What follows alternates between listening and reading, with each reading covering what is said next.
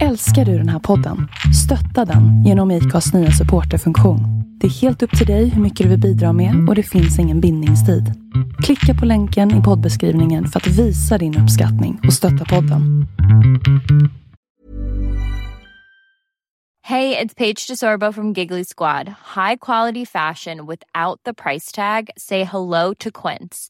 I'm snagging high-end essentials like cozy cashmere sweaters, sleek leather jackets, fine jewelry, and so much more. With Quince being 50 to 80% less than similar brands. And they partner with factories that prioritize safe, ethical, and responsible manufacturing. I love that. Luxury quality within reach. Go to quince.com slash style to get free shipping and 365-day returns on your next order. quince.com slash style. Jag, jag kommer dricka lite kaffe här. Eh, lå, låter, låter det jobbigt för lyssnarna? Eh, och, och, och hur mycket klipper du bort sånt där dumljud? Liksom? Jag kan lägga på en limiter. Uh, nu har jag tryckt på, på play bara så du vet. Ja. Eller play har jag inte tryckt på, jag har tryckt på rec. Ja, Uh, men jag är kaffemoster och det här är, ja, det här är nog bara tredje jättekoppen idag, men vissa, vissa dagar blir det liksom lätt 5-6 alltså halvliterskoppar. Jag hade ju det innan jag började med ADHD-medicin. Jag körde ju tre kaffeglas på jobbet. Alltså sådana du vet stora italienska glas. Innan lunch. Och Det var, vad blir det? Nio koppar, tror jag. Jag har nära anhöriga som är någon slags typ Mm. äldre jag. Jag är 58. Som började med Elvanse och var väldigt, väldigt positiv till det. Det ökade liksom arbetsförmåga och tog ner vi- vinsug fast utan att ta bort livskänsla och sådana saker. Precis det. Jag hade inte suttit på MVT nu om jag inte hade börjat med det. Mm. Så jävla enkelt är det. Det är... eh, Sen när jag började intressera mig för det där givet nära anhörig och sånt där, så började jag inse att vänta nu, vänta nu.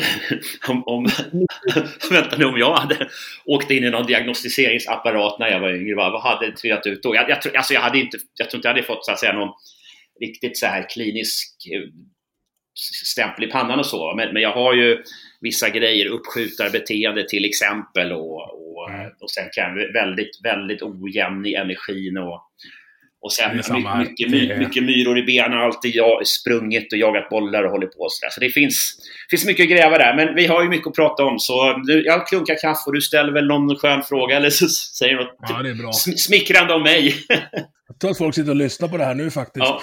Nej men så här, eh, är man bra, märker man hur bra man är på att göra saker när man har ryggen mot väggen så väntar man ju där tills dess. Ja. Det är ju så. Och den som är överens med mig om det är alltså Erik Hörstadius. Vi började lite eh, så här, ni har ju sett både bilden och läst eh, titeln på avsnittet. Men för er som inte vet då, eh, vem är Erik Hörstadius om man frågar han själv? Eh, jag var i Aron Flams på dekons- dekonstruktiv kritik häromåret, eller så här två år sedan säger vi. Så blev det så här, känns som att jag svarade en kvart på det. Jag ska försöka undvika ett så långt svar. Men jag är väl, alltså, jag är ja, 58, pushing on 59. Eh, jag är, jag är, jag är samhällsdebattör, har varit det liksom hyfsat uppmärksammad.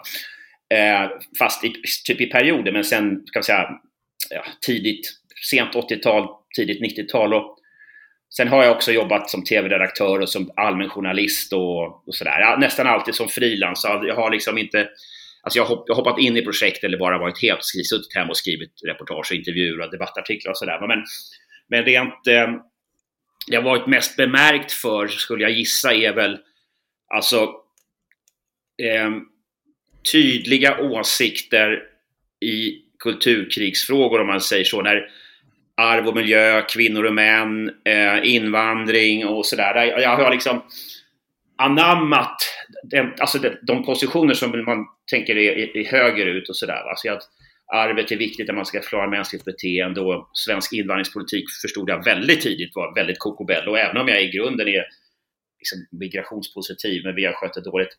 Men jag var, liksom, jag var gråsosse upp till jag var 18-20. Sen så tidigt 80-tal, mitten av 80-tal, mitten av 80-talet kom jag i kontakt med ny, nyliberala vänner och böcker och tidningar. Då blev jag någon slags högersosse. Alltså, så vi vi gick väldigt långt i det libertarianska och typ tycka illa om skatt och stat och sådana saker. Och sen har jag Sen har jag väl driv, och jag var, jag var ganska för fri invandring utifrån att men då måste man ta bort välfärdsstaten och sådär. Men sen mm. från, säg, andra halvan av 90-talet, 00-talet har jag väl rört mig åt något liberalkonservativt håll och sådär. Så, så jag, jag, har ju dykt upp i tv-soffor och radiodebatter och sen så, nu skriver jag rätt mycket i tidningen Fokus och sen så har jag periodiskt suttit mycket i tv-soffor och liksom vevat åsikter och sådär. Och, och eh, ja, ofta då med någon edge mot det man kan kalla kulturvänster eller mot sosseri och sådana saker. Även om jag i vissa avseenden känner mig som alltså vänster utifrån det att politiken är viktigast för de som har sämst förutsättningar och, och, och liksom förverkliga sitt bästa liv och, och eller som helt enkelt bara har, har, har risiga förutsättningar. Så här. Det här svaret var var långt men mycket kortare än hos Aron Flam faktiskt. Och så jag, jag är väldigt sportig, jag har gjort mycket sport också. Jag gjorde, jag har sagt succéprogram i samband med, på SVT i samband med Peking-OS och med Rickard Olsson och sådär. Så jag, jag, är rätt, jag är liksom lite så här sång och dansman och, och, och gun for hire med åsikter. Jag har ganska, ganska många intresseområden. Jag har skrivit mycket om vikt och bantning och, och så folkhälsa mer generellt också. Så, där. så jag är liksom, jag har många intresseområden och är väl halv, bottnar väl hyfsat i några och andra krafs är väl mer på ytan för att det är så intressant. Mm. Den här grå, gråsossegrejen, det, det blir väl liksom så när man får hänga med Palme för att ens styvfarsa är finansminister? Ja, alltså från att det var fem, typ, ja.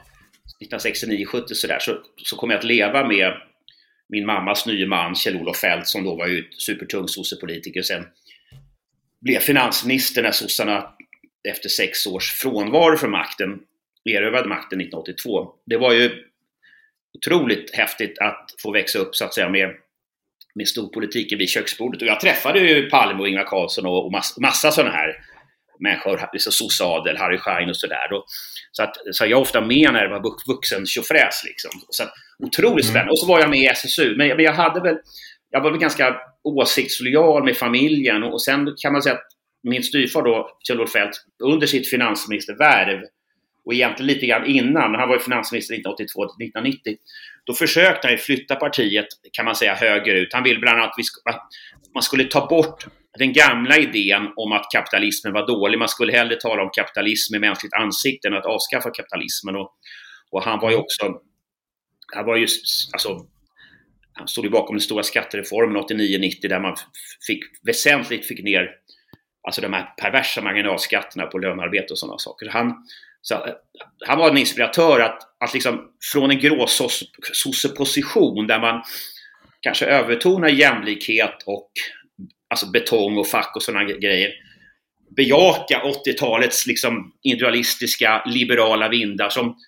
ju, det kan man ju lugnt säga nu, över, över, överbejakades på det sättet att kritiken bedriv, bedrevs för lite, både från höger och vänster, till exempel när det gäller hur vinstintresse kan störa ut alltså, skapa en dålig incitamentstruktur, till exempel i skola, men mm. också i vård och sådana saker. Så det fanns liksom ett ibland kritiklöst anammande av det liberala, frihetliga och så vidare. Men det var ju också, man må också säga i rättvisans namn, att det fanns väldigt goda skäl att göra upp med, med betong och fyrkantighet och centralism. För det svenska, eh, den svenska välfärdsstaten var, det var liksom en koloss på lerfötter på många sätt med alldeles för lite makt åt konsumenterna slash klienterna, vård, vårdtagarna, föräldrarna och så, så att, Ja, för drar man det åt andra hållet istället för liksom om, om man tar den som är helt vinstdrivande på ena sidan och den där det inte finns något ekonomiskt incitament att göra bra ifrån sig alls på andra sidan. Inget av dem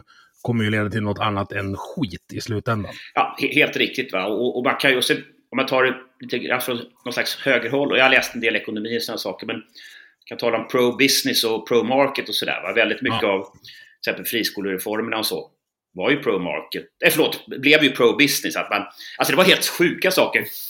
Och eftersom, jag ska bara ta ett, ett exempel på det, men bakgrunden är på något ideologiskt att vänstern är ju på defensiv på 80-talet och kulmen är någon slags, ja, 89 och murens fall och realsocialismen totalt kapsejsar och sådär. Så det blir liksom på något sätt så att Bildt och Timbro och liksom borgerligheten hade ju, alltså seglade ju med medvind historiskt och så, då är det svårt att mobilisera en, en, en trovärdig långsiktig kritik utan att framstå som att man är bara gammaldags och möglig. Men ett sådär lustigt exempel var när man kunde sälja ut skolor som Tibblegymnasiet som man sålde ut för typ bara inventarievärdet på, på typ skolbänkarna, liksom möblerna. Det var, det var så här vad, vad, vad, vad, kapitalisten som investerade i friskolesektorn då fick betala. Det fanns en helt färdig mm. kundbas med, med, med hög skolpeng och så vidare. I sammanhanget ska också sägas att vem var det som drog upp skolpengen, det vill säga skattebetalarnas ersättning till friskolorna per elev som var 80, 85 procent typ i, i, i liksom de, de första, ja, när man sjösatte reformerna. Det var Göran Persson som sen drog upp det till till 100 procent. Eh, mm. och, och det, så att det fanns liksom en brett i samhället en, en, en naivitet kan man väl säga när man implementerar de här nya driftsformerna. Och det är ju så att om, om skattebetalarna, det vill säga vi alla betalar för någonting eh, och det vill säga, du måste inte vända dig till, till konsumenter som, som betalar ur egen plånbok. Ja, då, det, det, är väldigt lätt att, det är väldigt lätt att det skapar då perversa incitament. Och vi har ju sett det i betygsinflation och sådana saker. Men poängen här är egentligen att, att um, det är inte de frågorna vi ska prata om nu, men, men att, att det, det, jag tycker att jag kan med viss stolthet säga att jag har Fredrik Reinfeldt, som kanske inte är min favoritpolitiker, men han sa någon gång förändra er eller dö till någon moderatkongress och sådär.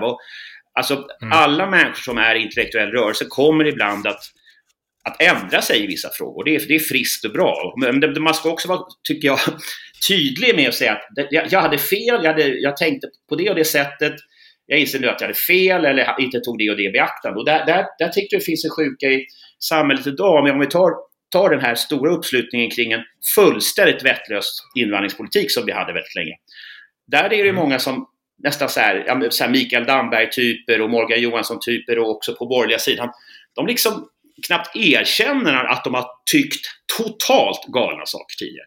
De säger inte så här, jag gjorde bort mig, jag var feg eller korkad, nu har jag kommit fram till det här. Utan de bara på något sätt låtsas som att de har tyckt ungefär samma sak hela tiden. Och det tycker jag väldigt illa om. Jag tycker att journalister är asdåliga på att ställa mm. politiker till svars. Det borde faktiskt vara så att en av de viktigaste journalistiska uppgifterna när det gäller att förhålla sig till makthavare, det är så här, eh, du gjorde det här, du sa det här. Hur ska vi lita på dig nu när du uppenbarligen ljög eller hade jättefel i en fråga som borde varit enkel att analysera? Det är för lite av den typen av... Och så inte nöja sig med ett svar på det heller, utan ställa följdfrågor. Ja, ja. Det är typ bara Anders Holmberg som gör det. Ja, han är, han, jag ska säga att äras den som äras bör. Han, han, han, häromåret gjorde han ju en i mina ögon nästan klassisk avklädning av Morgan Johansson. Det var ja, ganska roligt. Det var borderline misshandel.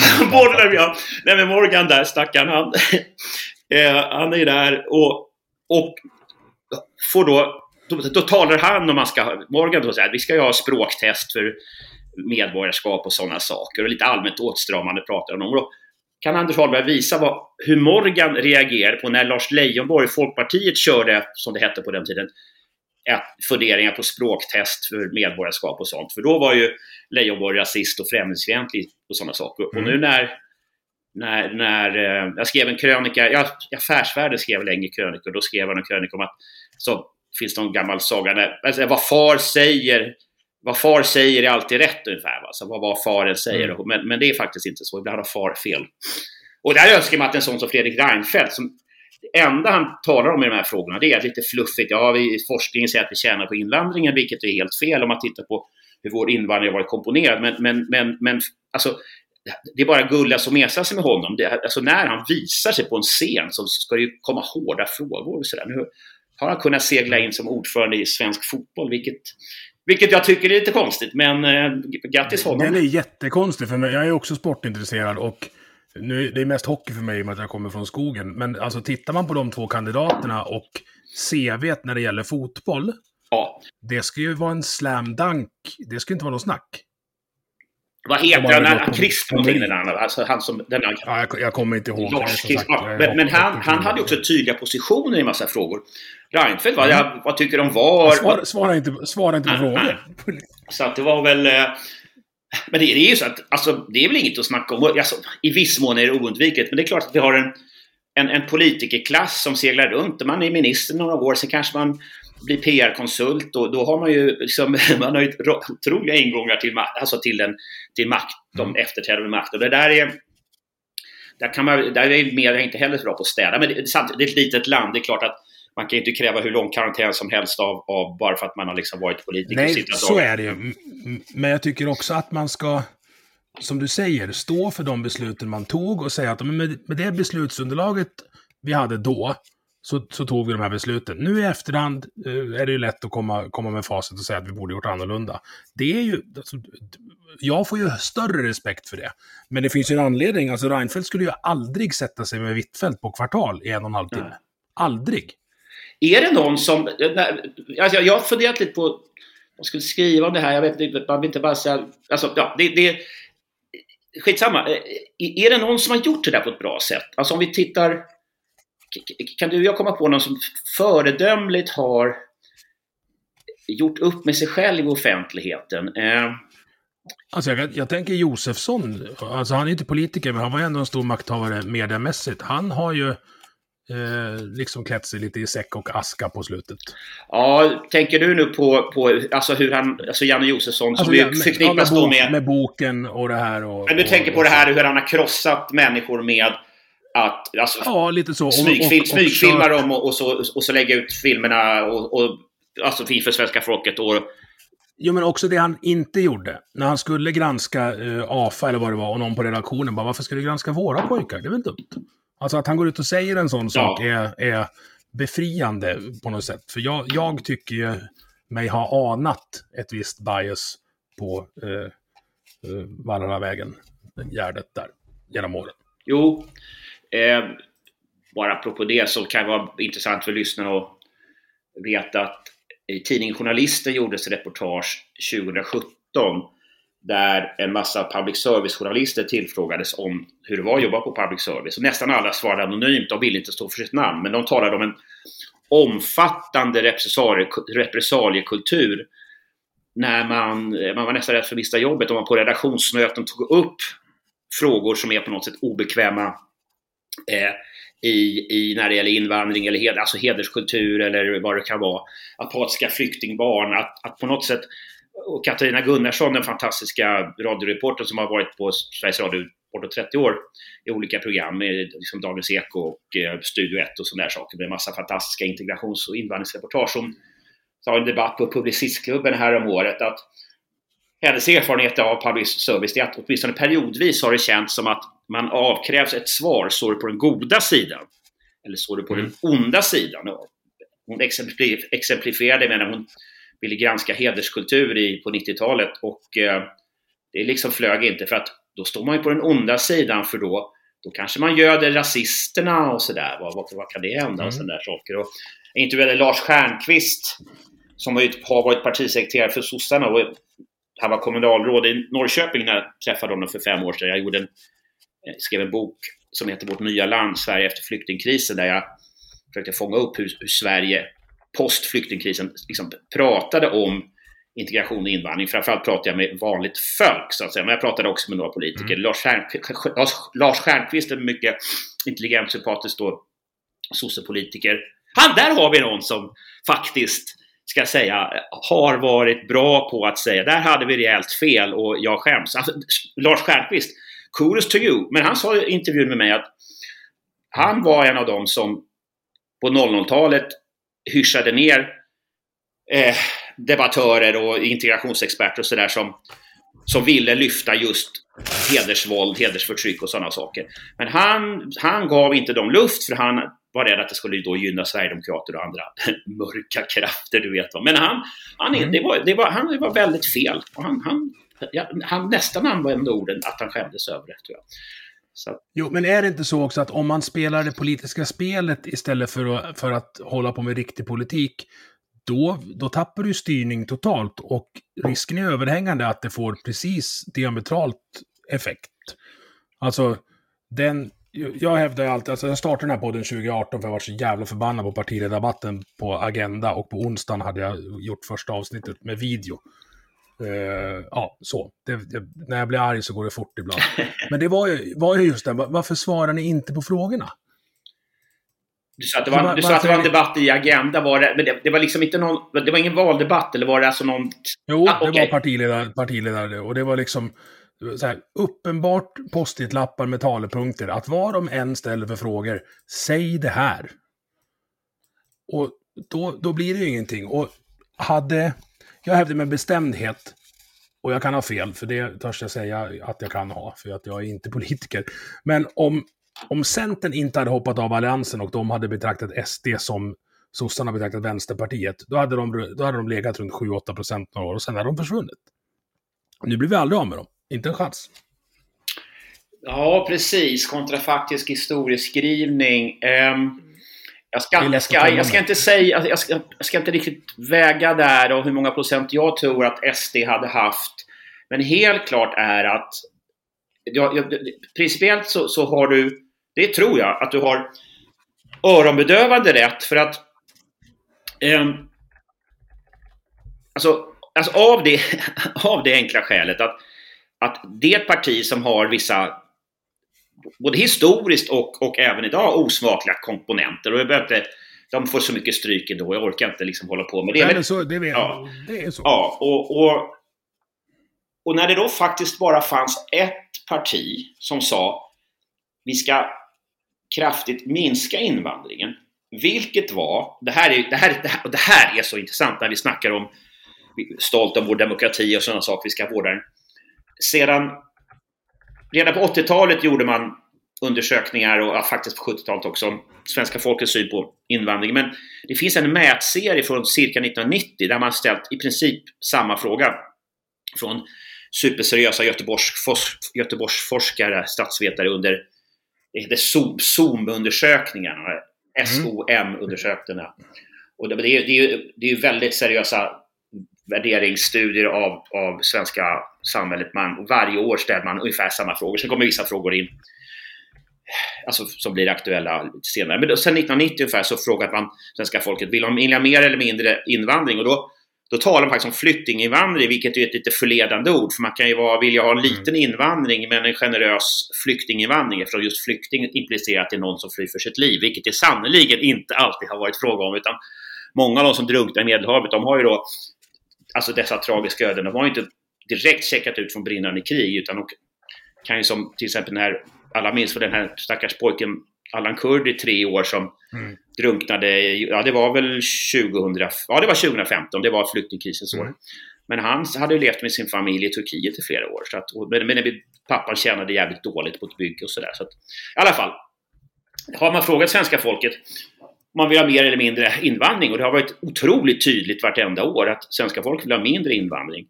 Och då finns det ett enda parti som representerar den åsikten, alltså Sverigedemokraterna.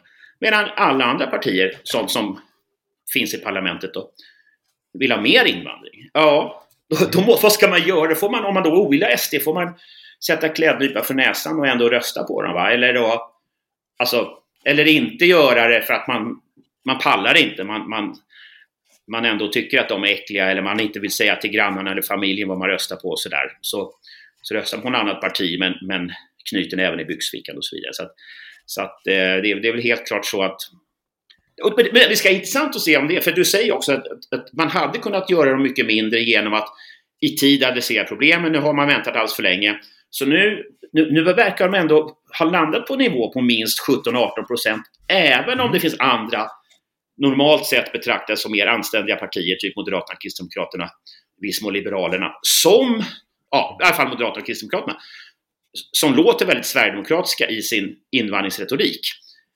Men det, det, du säger, och jag håller nog med dig, att det, det, kommer inte pressa ner SD egentligen. För att de, nu har, de har etablerat sig, de har blivit i, i många sammanhang tämligen rumsrena också.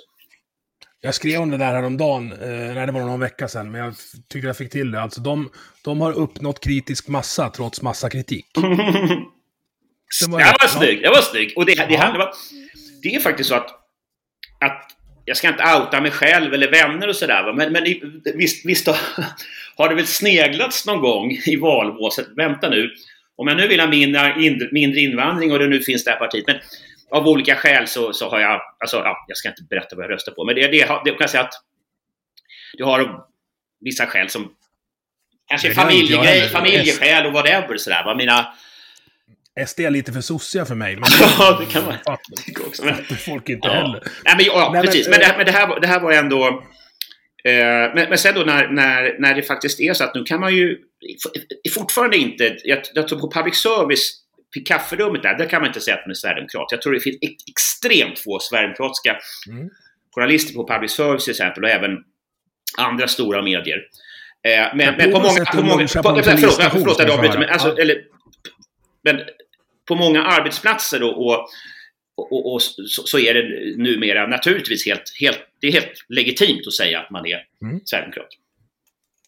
Och det, alltså det borde det ha varit från början också, tycker jag, för att då hade ju man kunnat tagit debatten. Alltså det, det saknades ju liksom inte sakpolitiska eh, hålrum, att, eller sår att in och gotta i om man, om man ville göra det. Men då, då låter man dem ha något martyrskap utanför och kan stå med facit i hand och säga Ja, det var ju det vi sa, liksom, även om det kanske inte var det de sa. Fan vad vi fastnar på SD hela tiden i den här jävla podden. Jag, ja. Jo, men jag, jag tycker att det finns, det finns något, alltså, jag kan också, så att säga, lite trött på det där, men jag, jag identifierade väldigt tidigt den här frågan som en ödesfråga. För att en del tror att det bara handlar om invandring och så förorter med misslyckad integration, men vårdresurser tas liksom från, jag menar, sjukliga illa integrerade människor eller hela våldstjossan med polisresurser som ska utreda en massa mord och sådana saker. Skolor då, där, alltså vi har skolor där där det inte talas svenska, alltså svenska inte är liksom huvudspråket på skolor och sådär. Det betyder att vissa människor blir inte anställningsbara. Och om de är killar, definitivt många bara av det skälet kommer lockas i brottets bana. Så att den här, den här frågan går in i, och pensionerna, den går in i nästan alla frågor. Va? Så därför är det, sen så, så det, den, den, det är svårt liksom att, så att säga, överskatta dess betydelse. Men jag, jag håller med, du, du har gjort den här podden och det är klart att det är klart att det finns annat att prata om också, ja. Men får jag, ja. bara skicka en fråga till, för jag funderade ja. på det här om dagen. Um, nu när SD ändå jag, tyck, jag gillar det. De, deras nolltolerans mot rasism och så här. De är, de, de, de är ju bra på att städa upp egna led och sådana saker. Mm. Och sen så tycker jag att det är bra att de, de, de gör det väldigt försiktigt. Så. De ifrågasätter ändå vissa så hysteriska klimatidéer som ju har religiös överton och så. De har en mer ska säga, nykter syn skulle jag säga på vad, vad Sverige kan åstadkomma när det, när det är klimatfrågan och, och typ hur allvarligt är det egentligen? Om man, följer FNs, FNs klimatpanels forskning, alltså, som den, alltså själva forskningsrapporterna, om man tittar på dem, då är det inte så jävla farligt som folk tror, utan det är de här Nej. politiska sammanfattningarna som skrivs av tjänstemän och som, som FN-chefen Guterres liksom slarvläser och bara för, för att få poäng hos, hos liksom vänstermedia världen runt bara ropa Code Red och nu går det åt helvete. Men det, har, alltså, det säger ju inte FNs klimatpanel, de säger ju tvärtom att det här är Alltså, det är rätt soft. Extremväder ökar eh, inte särskilt mycket och det som ökar det, det går att hantera och havsnivån stiger ytterst, ytterst långsamt. Och klart att vi hinner anpassa oss till det holländarna har levat legat under vatten liksom. I, så, så, så, så, så, så SD, där, och där märker vi att SD tar lite mer position i den där frågan. Men, men eh, eh, ja, i alla fall så, så eh, ja, den här långa meningen vet jag inte var jag började riktigt. Så här, men, men, men jo, nu vet jag. Jag ska ställa en fråga. Eh, när SD nu ändå i, i många avseenden är mer mainstream, eller uppfattas som mer mainstream, kommer det uppstå nisch, nisch till höger om SD? Folk som vill bedriva en utkastarpolitik och, och, eh, och, och också sådana som kanske är lite mer alltså riktiga rasister. Alltså, ja. vad tror du? Kan det dyka upp se... ett parti på högkanten som är väldigt radikalt i, i, i de här frågorna? Till att börja med så tycker jag inte att SD är ett högerparti. Det är ett välfärdsstatsparti med, med liksom nationalstaten som nationalstaten från 1965 som någon slags utopi, typ. Uh, nu vet jag inte varför de tycker vi ska ha utedass och, och inte el i alla hus. Men, men jag förstår vad du menar. Att, att Nej, du, du, du, helt, alltså, extremt, jag, jättekort jag håller 100% med om att i många avseenden är de sossar. Vidar Andersson, den fantastiske sosseledarskribenten och tänkaren, han, han brukar ofta jämföra sossarna och Sverigedemokraterna. Men i, kultur, i kulturkrigsfrågor, där är de höger. I, i välfärdsfrågor, fördelningsfrågor, där är de mitten med tiltning till vänster. Så det, det, är komplext, som det mesta i verkligheten. Ja, och, och svenska mitten också. Det, det, ja. alltså de, är, de verkar ju på den marknaden, eller plan, ja. planen, man ska kalla. Nej, jag tror inte att vi kommer få in något sånt till riksdagen i alla fall. Alltså om du kollar på de som, som är närmast, även om det är fjärran, så är väl det typ med eller något sånt. Mm. Och det är ju inga nazister. Ja, alltså, ja, ja, med, med, alltså, medborgarsamling. De, de, de, är ju inte till... De är ju, de är ju, ska säga, bara för att de inte ska ta illa vid här. Jag har ju träffat flera av dem. Det är ju jävligt seriösa, bra människor de jag har träffat. Men de är ju då när det gäller invandring är ju de ju inte till höger om SD. De, de, de har ingen så här ut, utkastad retorik Nej. riktigt. Utan jag tänkte mer på något lite längre sikt. Något, alltså något hardcore anti-muslimer, anti-islam eh, utkastarparti, eh, nolltolerans för brott, det vill säga jag tror inte det, för att skulle de svängningarna komma så kommer eh, de två stora, det vill säga M och S, att eh, återigen vrida lite på ratten och hävda att vi har alltid varit på väg åt det Ja, du låter som Jens Garnman nu tycker jag. Ja, ja. Den, den förträffliga Jens Garnman. Som, jag. Ja. Som, som, ju, som är någon slags i själen gråsosse och satiriker, författare, gitarrist och sådär. Men han är, han är ju mycket inne på... Men om jag, om, om jag kastar tillbaks frågan till dig då. Mm. Om du kunde åka tidsmaskin tillbaks hem till, till mammas bord och så tar du med dig partiprogrammen från idag mm. och så anonymiserar vi dem. Mm. Och så får Kjell-Olof och Olof och Ingvar mm. gissa. De skulle inte ha en chans. Roligt tankeexperiment. Nej, och när du säger det... Vilka sossarna Ingvar bara, nej det går, nej. Det går inte. Här, här, måste man ju faktiskt, här, nu, nu, nu, nu drar du upp här liksom någon slags halvsmashläge. Det är ju ganska, när Ingvar Carlsson var statsminister 1989, alltså hösten med murens fall och sådär. Det finns ju protokoll för det där sossarnas verkställande utskott diskuterar eh, den potentiellt ökad invandring som kommer i spår av ett oroligt Europa och där, där gränser, gränser luckras mm. upp och sådär. Och de är skitoroliga för några tusen Kosovo, alltså Bulgarien-turkar som är på väg upp norrut i Europa. Och, Stig Malm, dåvarande LO-bossen, han, han oroar sig för vad, vad gubbarna i, barackerna, alltså i byggbarackerna ska säga om när det kommer ny, liksom, nya utlänningar in i Sverige. Och, och Ingvar Carlsson och jag tror det var invandrarminister då, Anna-Greta Leijon, de, alltså de, de är liksom asnojiga för hur den här ökade invandring som är otroligt mycket lägre nivåer, alltså otroligt mycket mm. lägre nivåer än vi senare fick på 00-talet. Att det ska välta omkull välfärdsstaten. Och Olof Palme på sin tid, han, han var ju, betonade mycket noggrant i intervjuer att den svenska jämlikhetspolitiken bygger på en mycket reglerad, kontrollerad invandring.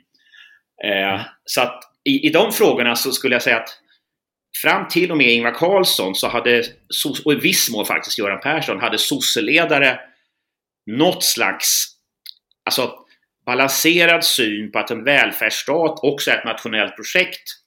Det tål inte vilka utsvävningar som helst. Men, men, men eh, så nu, nu slog jag ner den smashen då. Men, men, men det är ju så att de här partiprogrammen, ja, de, är, de, de ter sig nog väldigt förvirrade för gårdagens politiska ledare. Ja, ja, ja yes, ja. amen, det, det tror jag verkligen. Det tror jag verkligen. Och man kan ju, man kan fundera, på vad, man kan fundera på vad kristdemokrater från alltså, 70-80-tal med biståndsromantik och, och älska fly, alltså, flyktingar var. Ja, men det, alltså, kom igen.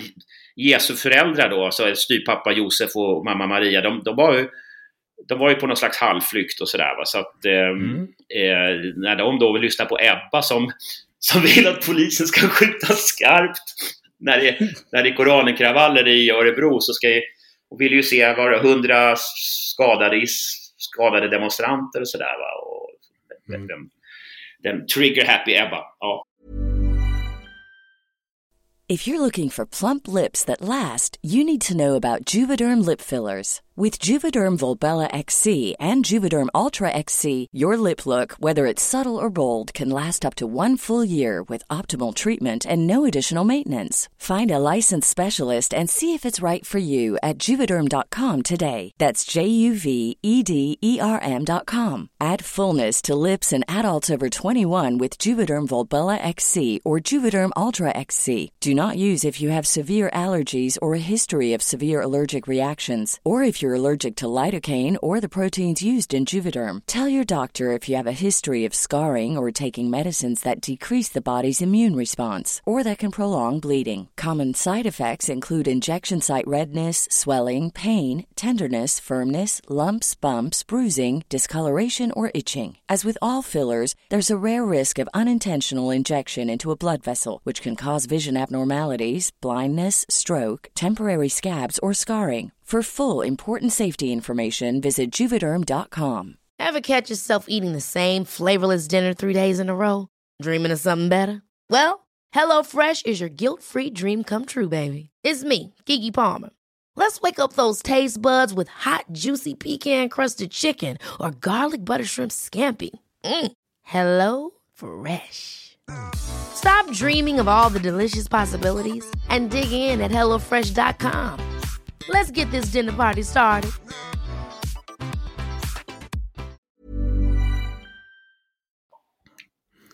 Vi ska, en politisk grej när, när vi ändå är inne på temat. Alltså, den här full, fullblåsta, för att ta en anglicism, paniken vi har sett idag rörande kombilotteriet.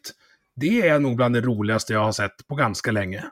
Har du, har du hängt med? Ja, väl, väl, bara yt, ytkrafsande, så ta den pucken du. Men, men, men... Nej men så här, de har, de har uh, regeringen med stödpartiet har sagt att de ska göra en utredning på uh, de här uh, lotterilagen, att det, partilotteriet ska inte undantas längre, utan det ska vara samma regler för alla.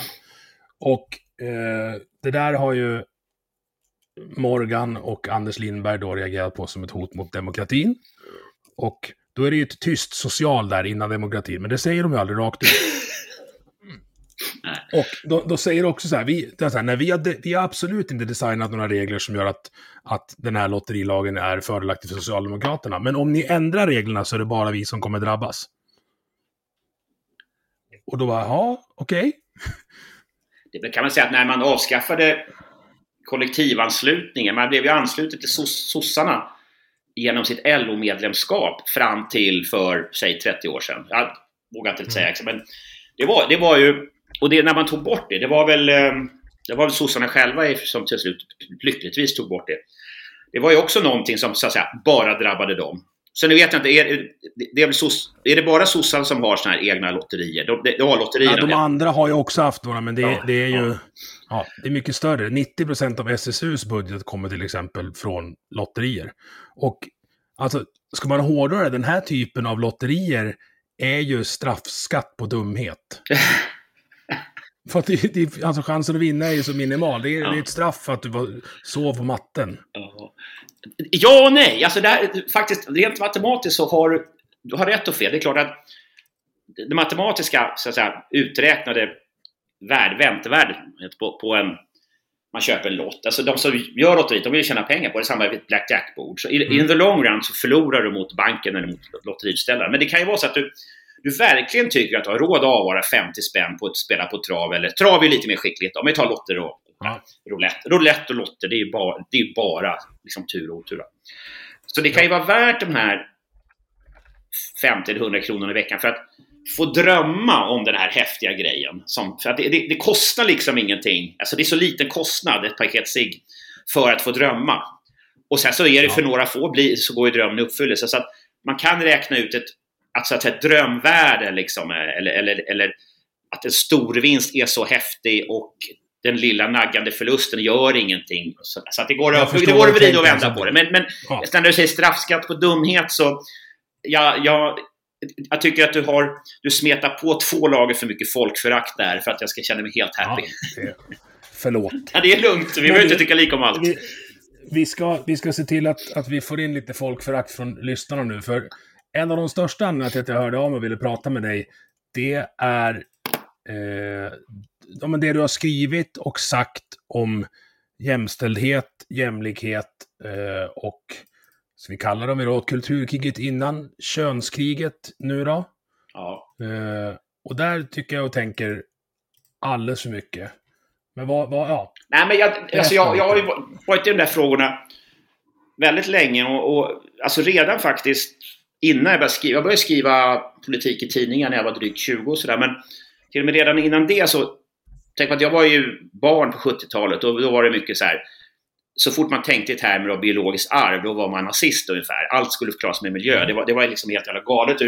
Dels fanns det en idé om att män och kvinnor var egentligen var same same, förutom kroppsliga skillnader och, eh, och, och, och alltså olika könsroller man var indrillad i och så vidare. Men jag, jag och sen när det gäller medfödd begåvning, alltså olika personlighetsgrejer. Jag, jag fattar på intuitivt plan att det där stämmer inte. Det finns liksom en, en arvskomponent. Alltså det finns, liksom alltså, finns vissa preferenser, personlighetsgrejer och sådär.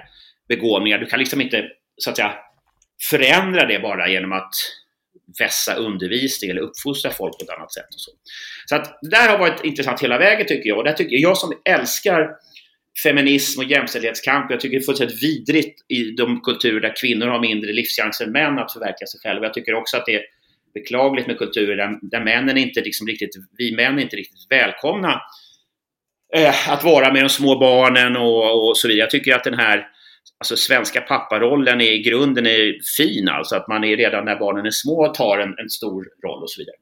Men, men i en stor del, dels av den svenska feminismen, dels hur den har omvandlats i faktisk politik med kvoterad, eh, nu har man väl tre, tre månaders kanske kvoterad föräldraförsäkring. Alltså, pappan måste ta ut minst tre månader för att man ska få, full, få ut hela försäkringen.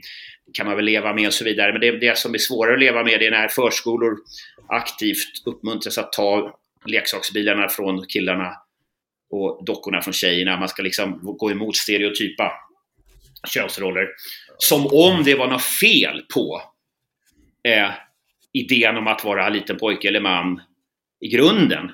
Eller fel på vad idén om att vara en liten flicka som tycker om att vara prinsessa eller en, en mamma som här gärna är första året där man ammar med sitt lilla barn. Det skulle vara fel i grunden. Och man, man hade ju också eh, faktiskt i regeringsdokument länge, och jag tror man har det fortfarande i vissa sammanhang, men idén om att könet är en social konstruktion. Man låtsas om att det inte finns så att säga arvs, alltså biologiskt arv bakom könen. Och men det vore ju konstigt om vi skulle vara den enda levande arten på hela ja. planeten där det inte finns några...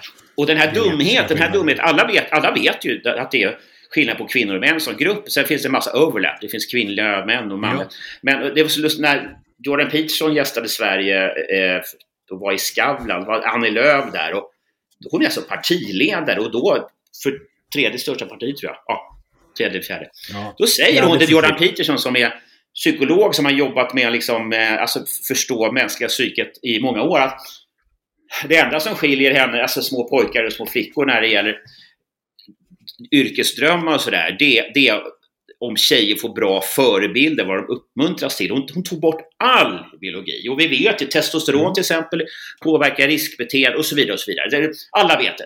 Men det här har man bortsett från Alltså sen 60-70-talet i den svenska jämställdhetspolitiken, med vissa undantag, alltså, det har varit lite periodiseringar. Och den här, jag skrev en lång artikel i tidningen Fokus där jag arbetar mycket om. Jag tog upp några aspekter av, vi, vi har en dålig förståelse av, av så att säga, förhållanden mellan könen när vi alltför ensidigt talar om om det som en social konstruktion och att vi kan ändra så att kvinnor ska söka in till techutbildningar lika mycket som män och och sådana där saker. Men sen så tog jag också en annan aspekt som, som, är, som är väldigt intressant och det är att det är så legitimt att prata skit om män, förlöjliga män, den här stereotypen i reklamfilmer, den fumliga, töntiga pappan. Jag, jag tog exempel från Skavlan, när den fantastiska som jag har träffat, eh, vilket jag är stolt över, simmerskan då, Sara Sjöström, en av våra absolut största idrottspersoner genom, alltså genom sporthistorien med. Eh, men då, då intervjuas hon av, inte, eh, då är det Karina Bergfeldt då, som är Skavlans efterträdare, som frågar eh, Sara Sjöström hur det går till när hon renoverar hemma. De bygger, alltså, hon har köpt hus på Lidingö och så här. Och då hur hon talar om sin snubbe, alltså hon tar alla beslut och vill ha några invändningar, har han fem minuter på sig om han, och hon inte gör som han, om han inte ändå gör som hon säger, då blir det som hon tycker. Publiken bara skrattar, alla skrattar. Det är så roligt med den förtryckta mannen och löjliga mannen och så vidare. Och det där, när man mm. tittar på, om man tar på sig de glasögonen och följer tv-sändningar och så vidare, så då ser man att det är liksom, man kan alltid prata skit om mannen. Och, och, eh, och det gör också att man ljuger bort en massa verklighet. Brå, till exempel, Brottsförebyggande råd, de gjorde en undersökning 2014 om partnervåld. Och det här också, har man också sett i andra länder. att Partnervåld är tämligen jämnt fördelat mellan könen. Den är alltså 5-6 av männen och kvinnorna talar om partnervåld, att man är utsatt för det. Och när jag berättade det för folk, de blev helt chockskadade. Men det är väl bara män som slår kvinnor? Det var till och med det i regeringsdokument återigen och utredningar och sådär. Det här begreppet man började använda för 20 år sedan. Då talar man inte om relationsvåld längre, man talar om mäns våld mot kvinnor. Och så ger man alltså en bild i huvudet på alla. Män är otäcka, slår eh, och mm. kvinnor är offer, synd om och så vidare. Sen är det bara, och det är liksom, förtydlighet, förtydlighet, det, det manliga våldet mot kvinnor när det är grovt är ju så mycket grövre. En man har mycket större chans att, så att säga, slå ihjäl en kvinna än tvärtom. Jag vill bara betona det. Ja. Men jag vill bara förtydliga ytterligare det här eh, skevheten i det du säger när man byter namn på det. För även misshandel i lesbiska förhållanden bokförs alltså i statistiken som mäns våld mot kvinnor. Ja, just det. Det, det, ja, det, det har du alldeles rätt i.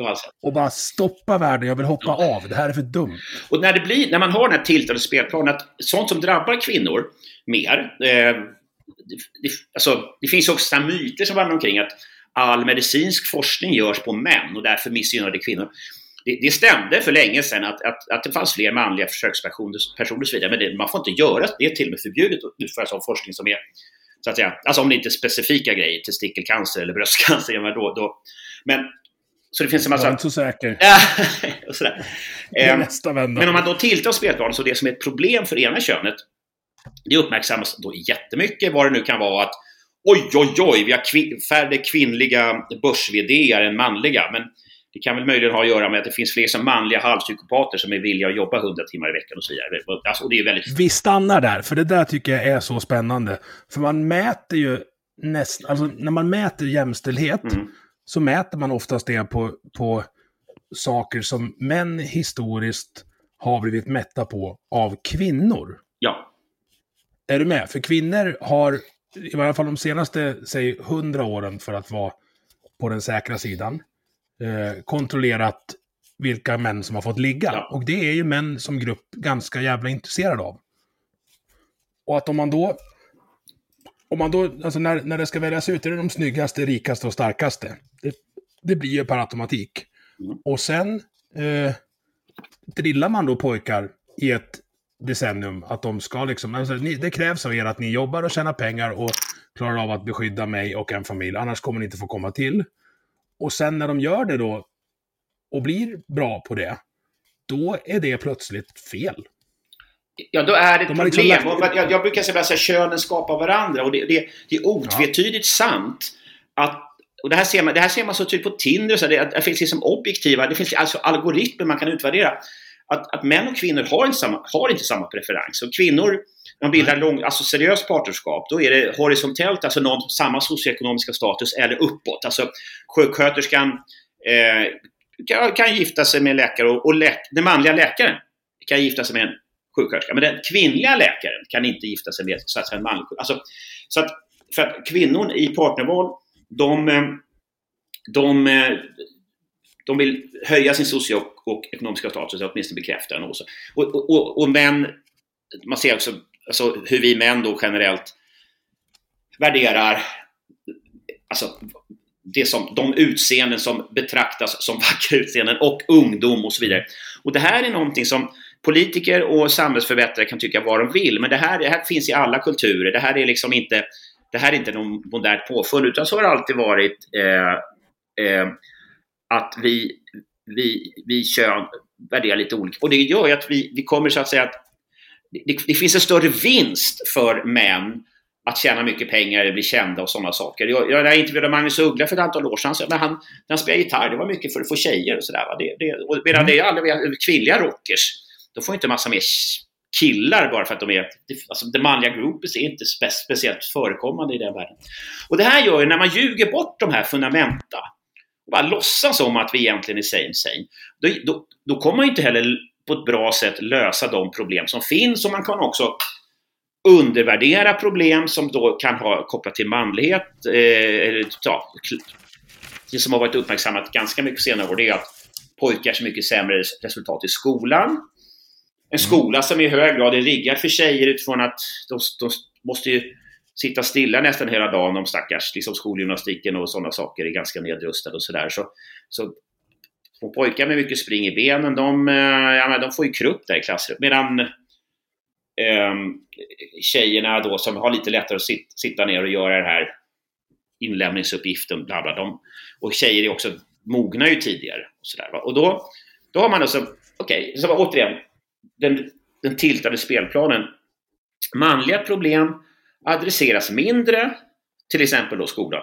Och kvinnliga problem eh, adresseras mer och, och, det blir också en sån här retorik om mäns våld mot kvinnor eller män är djur som Riks, eh, alltså kvinnojoursbossen sa i en uppmärksammad eh, dokumentär från 2005 tror jag. Män är djur. Hon talar, liksom- vi, vi män var på något sätt läskiga djur och sådär. Och då, då suggererar man fram en bild av att vi män är någon slags våldsverkare. Om vi inte utövar våld så i, i, i smyg applåderar vi de män som utövar våld, våld mot kvinnor. För då, de upprätthåller då patriarkatet och tuktar kvinnor så att de inte vill mopsa sig. Och det är en så jävla förolämpning mot oss män som har partners och mammor och systrar och döttrar och, och så vidare. Att vi skulle på något sätt tycka att det var, är fräscht och, och bra för oss med en liten, liten skara män. De är, säg en procent de som begår liksom våldet mot, det grova våldet mot kvinnor.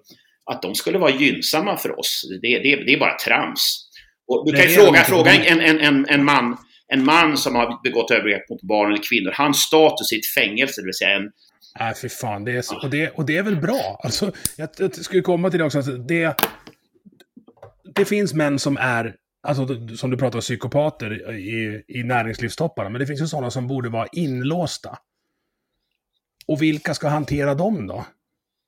Jo, det måste ju vi andra män göra. Inte som kollektiv, men alltså där och då. Jag har ett ganska komplicerat förhållande till våld. Jag kan tycka att det är kul att titta på och när jag var ung kanske jag tyckte det var lite för roligt att utöva också. Men för att stoppa en sån här psykopat så behöver du ju ha en, vad ska jag säga, en, en bra man, men också med en liten kapacitet för att stoppa en psykopat.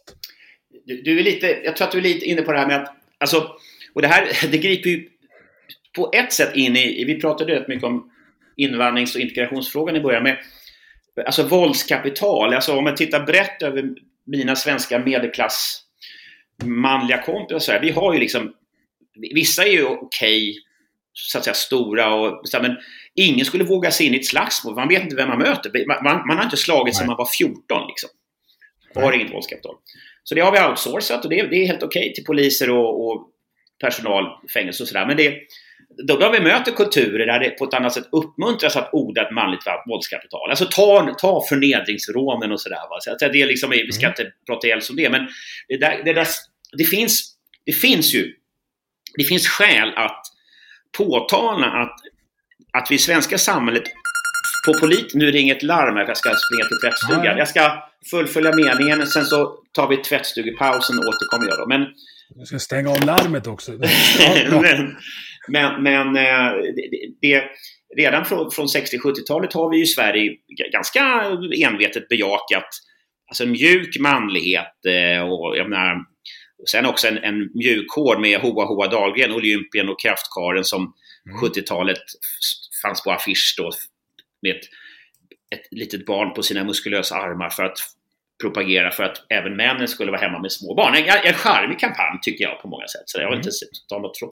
Men när man då konsekvent så att säga talar om det vi knyter till manlighet som, som våldskapital eller liksom att eh, ibland bara bita ihop och, och, och, göra jobbet istället för eh, relationsprata och älta som många kvinnor tenderar att göra.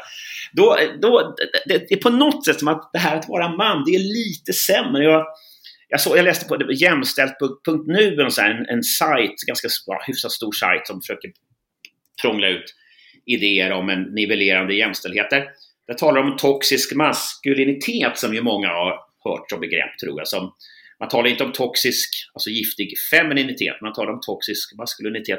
Och då är den här sajten hårdhänta lekar mellan unga killar räknas då till mm. toxisk maskulinitet. Men, men alltså, när små killar då inte får brottas på golvet utan att det anses vara så att säga giftigt och dåligt, då har ju, då har ju synen på könen och relationerna fullständigt havererat. Då är det skrivbordskonstruktion från eh, verklighetsfrämmande världsförbättrare som träder istället för en, en bara sunt förnuft, erfarenhetsbaserad syn på, på vad kvinnor och män är. Liksom. Och så, så har vi, kryddar vi det de senaste årens transdebatter och så, när man låtsas om att, att, att någon tämligen nybehandlad med hormoner och kanske i vissa fall opererad före detta man då ska kunna tävla i till exempel simning med, med, med så att säga från födseln kvinnor och bara krossa dem. Som det finns ju debatt om det där i USA.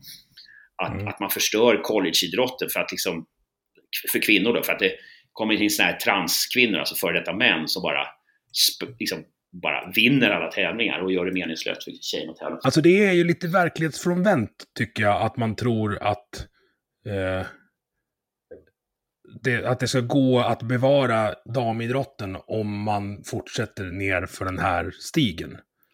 Ja, och sen ska vi verkligen säga att det, det gäller ju flera av de frågor vi har touchat vid, men som ofta är det mycket värre i USA. Eh, där är det ju Joe Bidens allra första åtgärd som president då, när han hade intagit the Oval Office. Det, han, det var något dekret om att han skulle förstärka transpersoners liksom, så att säga, positioner inom damidrotten. Det var hans första åtgärd, mm. vilket du visar hur illa.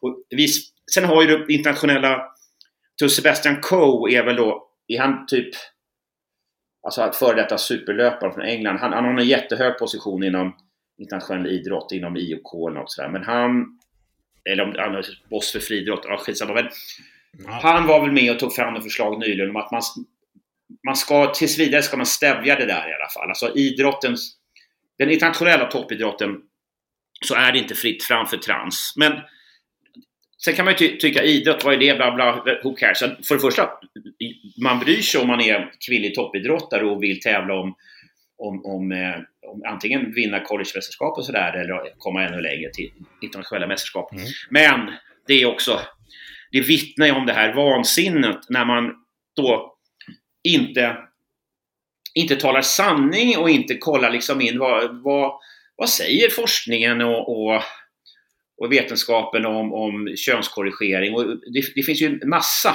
aspekter av det. En är då att manliga fördelar finns kvar även liksom, långt efter att man har genom då plockat ner testosteronet och sådana saker med hormonella behandlingar. Då. Ta bara mm. att mannen har, ta simning då som, som har varit ett aktuellt exempel, om man har större vingbredd så att säga, manliga kroppar är mm. större än kvinnliga, och större händer och större fötter, då har du mer så att säga gräveffekt i vattnet. Så att även om man på något, på något mystiskt sätt skulle få bort all extra muskelmassa kopplat till testosteron och, och andra saker så, så finns fördelar som är kvar. Men sen är det också att... Det är svårt att in och liksom ta ner skelettdensitet, ja. kan du ju inte ändra på. Men sen är det här oerhört tragiska då med att alltså barn då som de kan vara autistiska, de kan ha bara gå på alltså, trender, man känner, utanförskap, man känner utanförskap och så via nätet eller så, så hittar man Ja, det är därför jag känner, det är därför jag inte får ihop min själ, så att säga. Det det är för att jag är... Mm. Och så nu har ju Sverige då, eh, ja, jag vet att Sverige har på ett bra sätt stramat upp det hela så att det är inte lika lätt för unga människor att genomgå könskorrigerande Eh, behandlingar och eh, eh, men, men, men, men, helt klart, men det, det, helt klart är det så att vid en, när, när det progressiva syftet, världsförbättrarsyftet och i det här fallet så ska man på något sätt, på ett märkligt sätt ska man är man liksom både mot idén om kvinnligt och manligt, för det är ju bara gamla mögliga könsroller. Samtidigt så är det tydligen jätteviktigt att, att unga pojkar och flickor ska kunna byta kön. Det finns någonting nästan inte, det är nästan inte ens logiskt. Om det nu är från progressivt håll inte finns män och kvinnor i biologisk mening, hur kan man då sätta sånt stort emfas vid att man eh, på medicinskt biologiskt sätt ska byta kön. Det, det, där har jag svårt att få ihop. Men, men även om man nu får ihop det på något konstigt sätt i sitt, sitt progressiva huvud så, så är det ju fullständigt kokobello när man vet att så unga människor ska inte fatta beslut eh, för resten av sina liv hur som helst. Nej. Alltså 18-årsgränsen borde ju vara, alltså myndighet borde vara det lägsta eh, Ja, sen finns det säkert extremfall där det inte funkar heller. Alltså det, är så, det är en sån komplex fråga det är så lätt att snärja in sig i det. Ja. Men jag har ju haft, i, i avsnitt 47 hade jag Leon Reuterström eh, med. Eh, numera kille, före detta damhockeymålvakt. Mm. Och, och pratade just om det här. Eh, jag har även träffat andra eh, transpersoner genom... Alltså jag, jag är, som jag sa innan vi började, jag är nyfiken så in i helvete på allting. Så jag vill, jag vill ju veta. Men det är typ ingen av dem heller som tycker det här är vettigt med eh, killar i dambassängen. Nej. Eller före detta killar i dambassängen. Så att jag, jag, förstår inte vad det här är. Kan, alltså kan man koppla det till det vi pratade om när vi inledde med migrationen, att det är liksom en liten minoritet som har tillgång till alla kanaler som sätter ett narrativ. Ja. Är det samma sak här? Ja, alltså, det, alltså det, det, det, låter lite yxigt, men jag menar att folkets liv, det, det, det utspelar sig på Paris gator och så sitter då hovet med alla sina konstiga etikettsregler i Versailles och vet inte vad som pågår. Och snart kan det vara någon fucking revolution och så blir det chop chop och sådär. Det, det är så att när det är för stort mentalt avstånd och liksom kulturavstånd mellan den normala verkligheten för normala människor av kött och blod och en eh, någon slags elit då i den meningen att man har mycket makt och mycket alltså, kommer ut starkt i media och sådär. Då, för jag tycker ordet demokrati, demokrati är vackert, det betyder då folkstyre och så vidare. Vi talade ju tidigare om att, att hur, hur i otakt folkets åsikter om invandringen eh, gick decennium efter decennium med, med eh, ja, de makthavande. Och mm. det där, alltså ska man då vårda demokratin, då måste man, alltså man ska, man ska vårda yttrandefriheten. Den angrips ju från olika håll. Eh, det, det är så alldeles för, vissa saker här är så komplicerade. Det handlar ju om till exempel ska privata eh, informationsbärare, ska de tvingas så att säga Ska inte de få bestämma själva, Twitter och, och Facebook, så här, vad, vad, vad ska skrivas där? Ska man se dem som en allmänning? Eh, och där, därför ska de inte kunna tysta obekväma röster och så vidare. Bla, bla, bla. Mm. Men det, man, det som är oroväckande tycker jag, det är så pass ändå många journalister och komiker, kulturarbetare som, som verkar känna sig bekväma med att ett hotell kanske avbokar Sveb-TV för att de ska ha en konferens, Sveb-TV, någon sån här kulturkrigshögerkanal. De blir utslängda från Youtube och sådär. Man tycker att om den där, de där är ju osköna. De, de vill minska invandringen. De, de, de, de tonar ner klimatlarmen. Och de ska inte få ha konferens här fast de har bokat och betalt och så vidare. De ska inte få vara på Youtube. Alltså, man måste... Alltså, instinkten, instinkten, hos, instinkten hos demokratiska politiker och kulturarbetare hos, hos oss alla måste vara att yttrandefriheten är, är dels, dels är det hopplöst att dra så att säga, gränser. Vissa gränser måste... Ja, det, allt, ja, det finns ju självklara undantag. Sådär. Men, men eh, man ska kunna säga och tycka ungefär vad man vill. Och dels för att Gränsdragningar blir naturligtvis hopplöst svåra. Och det, vad som är tillåtet idag är inte tillåtet imorgon. Och man kan straffas för att Kevin Hart, komikern, han skulle leda Oscarsgalan 2019. Men fick inte göra det för man hittade några påstått homofobiska tweets han hade alltså, skickat ut tio år innan. Från en komiker. Alltså från en komiker. Det är ju deras jobb att ja. vara konträr och liksom peka på eller alltså, framförallt driva med kulturskillnader, för det är ju typ det roligaste som finns. Ja. När, när folk, och, och, jag menar hur många gånger har man inte varit på stand-up i Stockholm och det kommer någon och, utifrån, någon från Värmland och driver med stockholmare.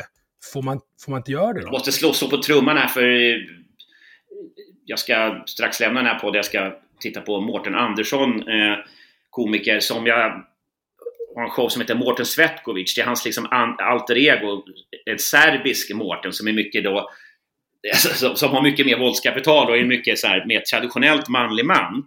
Jag, och det, mm. jag vet att det är en bra show för jag såg provspelningar och sådär. Så att, eh, men men eh, eh, han, han, eh, ja, han, han som har bra överblick över komiker-Sverige så här, sen eftersom han har varit inne i branschen och dessutom promotat, producerat många andra komiker. Han, han har ju, han har ju talat vältaligt i en intervju jag gjorde med honom om jag menar, en låt som då kan låta läskig då som komikern Simon Gärdenfors under Mr Cool gav ut för ett ja, antal år sedan. Den heter Knull, Knulla barn, heter låten. låten. Den heter Knulla barn, men det är en drift med Låten är en drift med eh, såna här sexskrytiga amerikanska rappare och sådär. Va? Men den då, plötsligt så seglar den upp som ett, flera år efter att den gavs ut.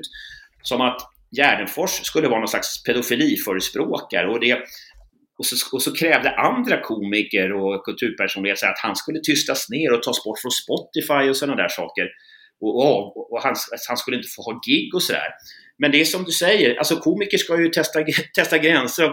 Om komiker bara ska dra säkra skämt, vad, vad händer med humorn då? Och, och det här är alltså människor som själva är, är, så att säga, tjänar pengar på och får rampljus på att föra fram åsikter och tankar. Eh, men det, det, är, det är en aspekt då, att man, alltså man måste så att säga, man kan, eh, det finns ingen yttrandefrihet om man inte tillåter även korkade grejer eller otrevliga grejer eller vad som helst. Men det är också så att massa bra grejer framstår ju som jättetokiga i början. Jorden är rund, den är inte platt. Men du ser att jorden är platt. Ställ dig på ett fält och titta, den är ju platt jorden.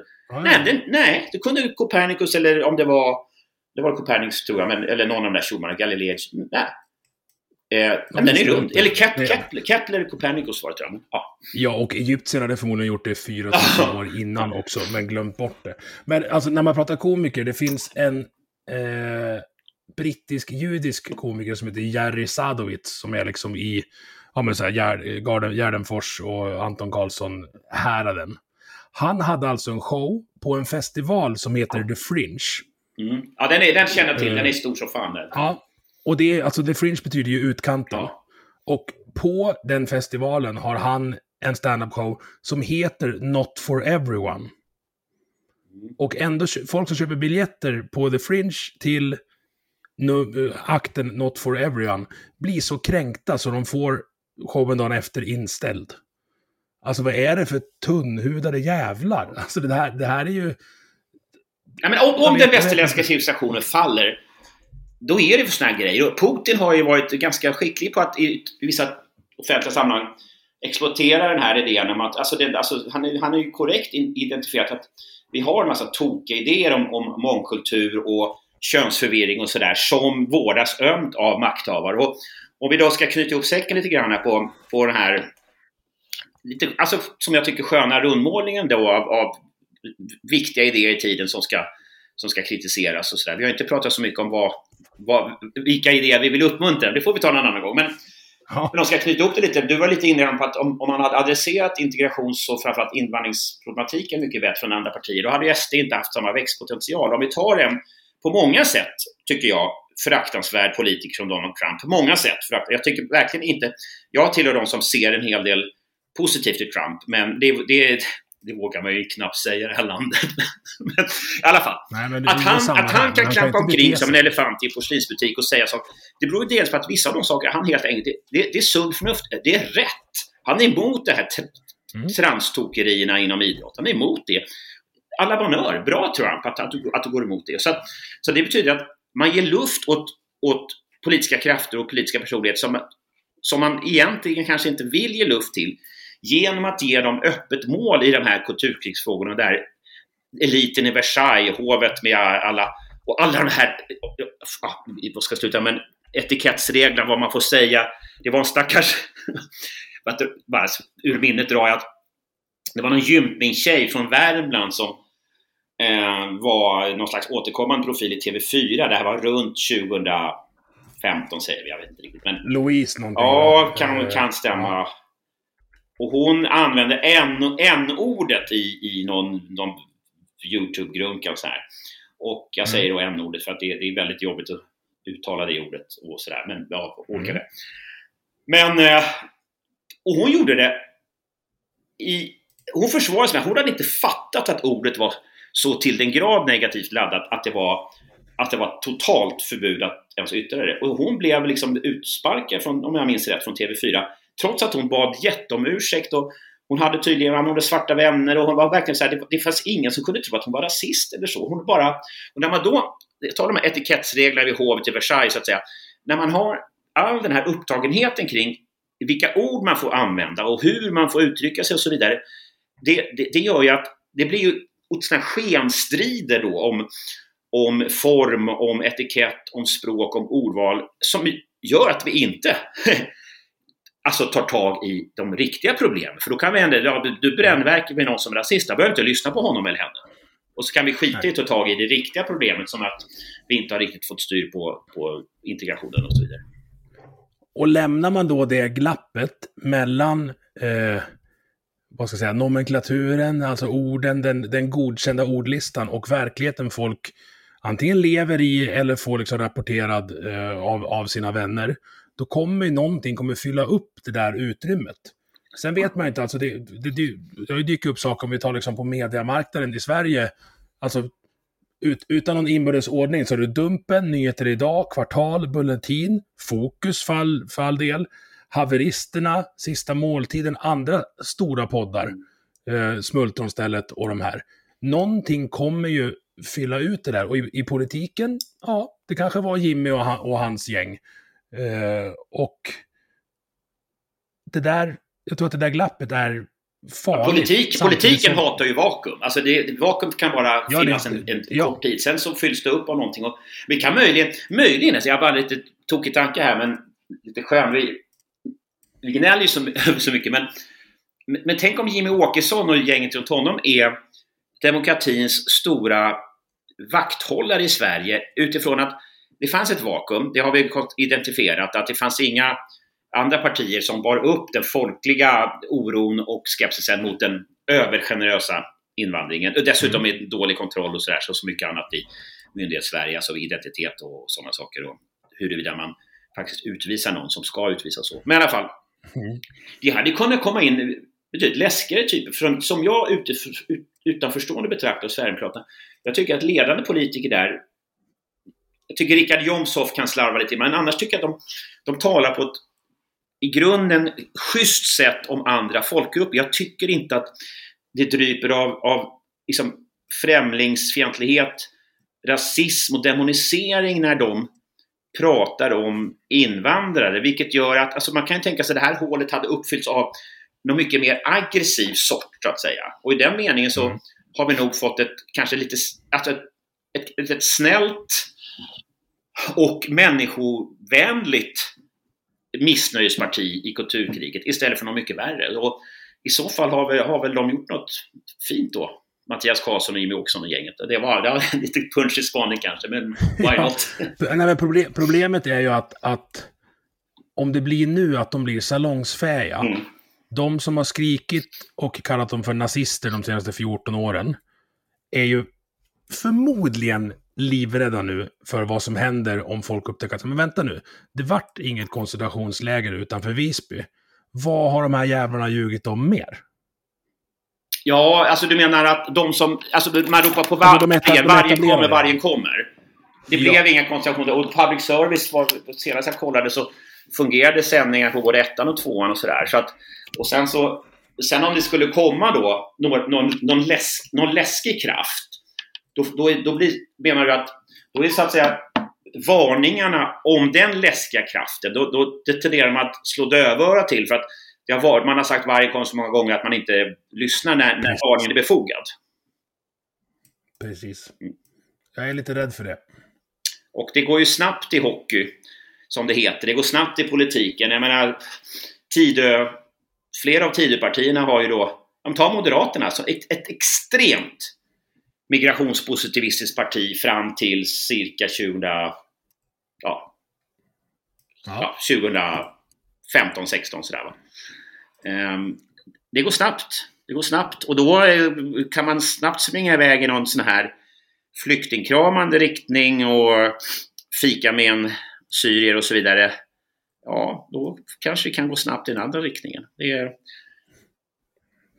det finns mer att tala om. Mer att tala om i jag drömmer om att vi skulle få politiker som eh, står och så säger de att så här tycker jag, om ni tycker som mig kan ni rösta på mig. Alltså de är så opinionsmätningsdrivna nu känner ja. jag och det är inte bra. För att det, det, är ganska mysigt att ha det där jobbet. Det... Men du, du ska få mysa iväg på stand-up du. Jag blir lite avundsjuk. Själv ska jag kolla på eh, tecknad film med döttrarna. Det är, ja, det är, det är aldrig fel. Hur gammal, vad har du för eh, ålder på dem? Ma Emma fyller åtta precis och Maja fyller snart sex ja. nästa månad. Jag jobbar ju med det här. Det är... du och jag, Barack Obama, vi jobbar med två dotters koncept. Mina är dock något Ja. äldre, de är väl snarare i Barack Obamas och Michelles döttrars. Mina är 23 och eh, 21 imorgon, den yngsta. Ja, vad bra. Det är rätt bra att ha dem där. Alltså man har eh, två döttrar, en eh, mamma, en syster och någon man har gjort döttrarna med som i varje fall då identifierar sig som kvinna. Så att man kanske inte hamnar i misogynfacket lika enkelt. Nej, det är, det är ingen risk i mitt fall kan jag säga. Jag är... Eh, jag gillar både... Jag gillar, alltså, jag gillar, fan, jag gillar människor. Jag, jag har väldigt lätt att gilla människor. Eh, Det är bara några då... Några så kallade samhällsbärare som jag skulle vilja gå in i en mörk gränd med och visa lite åtminstone lite intellektuellt våldskapital. Men, men annars är de flesta människor vill ju liksom väl va? och eh, kämpar på, kämpar på i sina liv liksom. Jag skriver upp det när vi pratar politik där, att jag tror att de flesta politiker vill att så många som möjligt ska ha det så bra som möjligt, men man har lite olika storlek på ingrupp och lite olika tidsaspekter på hur man ska få folk att få det bra. Och börjar man tänka så, ja, men då kanske du kan lyssna på folk och försöka förstå dem. Och det är lite därför jag startar den här. Och som vår gemensamma vän, gästen från Vi måste prata nummer 81, Katta Neuding, sa, så jag tror att du och jag fattade varandra ganska bra. Så det var, inte, det var inte så mycket debatt idag, det var mer ett samtal. Och det tycker jag är trevligt så här på lördagskvällen som det är när vi spelar in. Ja. Men du, spring iväg på stand-up. Ja, ska jag göra det. Och ibland jag tycka att, jag- på sätt att ibland kan det vara så här att man, man snurrar igenom vad, vad, vad, vad tycker den här frågan, den här frågan och hur hör det ihop med varandra. Så där. Jag tyckte att vi, vi, målade, vi målade brett men jag tyckte vi fick till några fina färgnyanser. Ja, vi hoppas att ni där ute i era lastbilar och hörlurar tyckte att det vart bra. Du har lyssnat på Vi måste prata som produceras av mig, Emil Nilsson. Tycker du om det du hörde? Dela avsnittet med dina vänner och på sociala medier. Vill du stötta podden kan du göra det via Patreon där du hittar den på patreon.com snedstreck vi måste prata i ett ord. Eller så swishar du en slant till nummer 123 671 46 79. Vi hörs!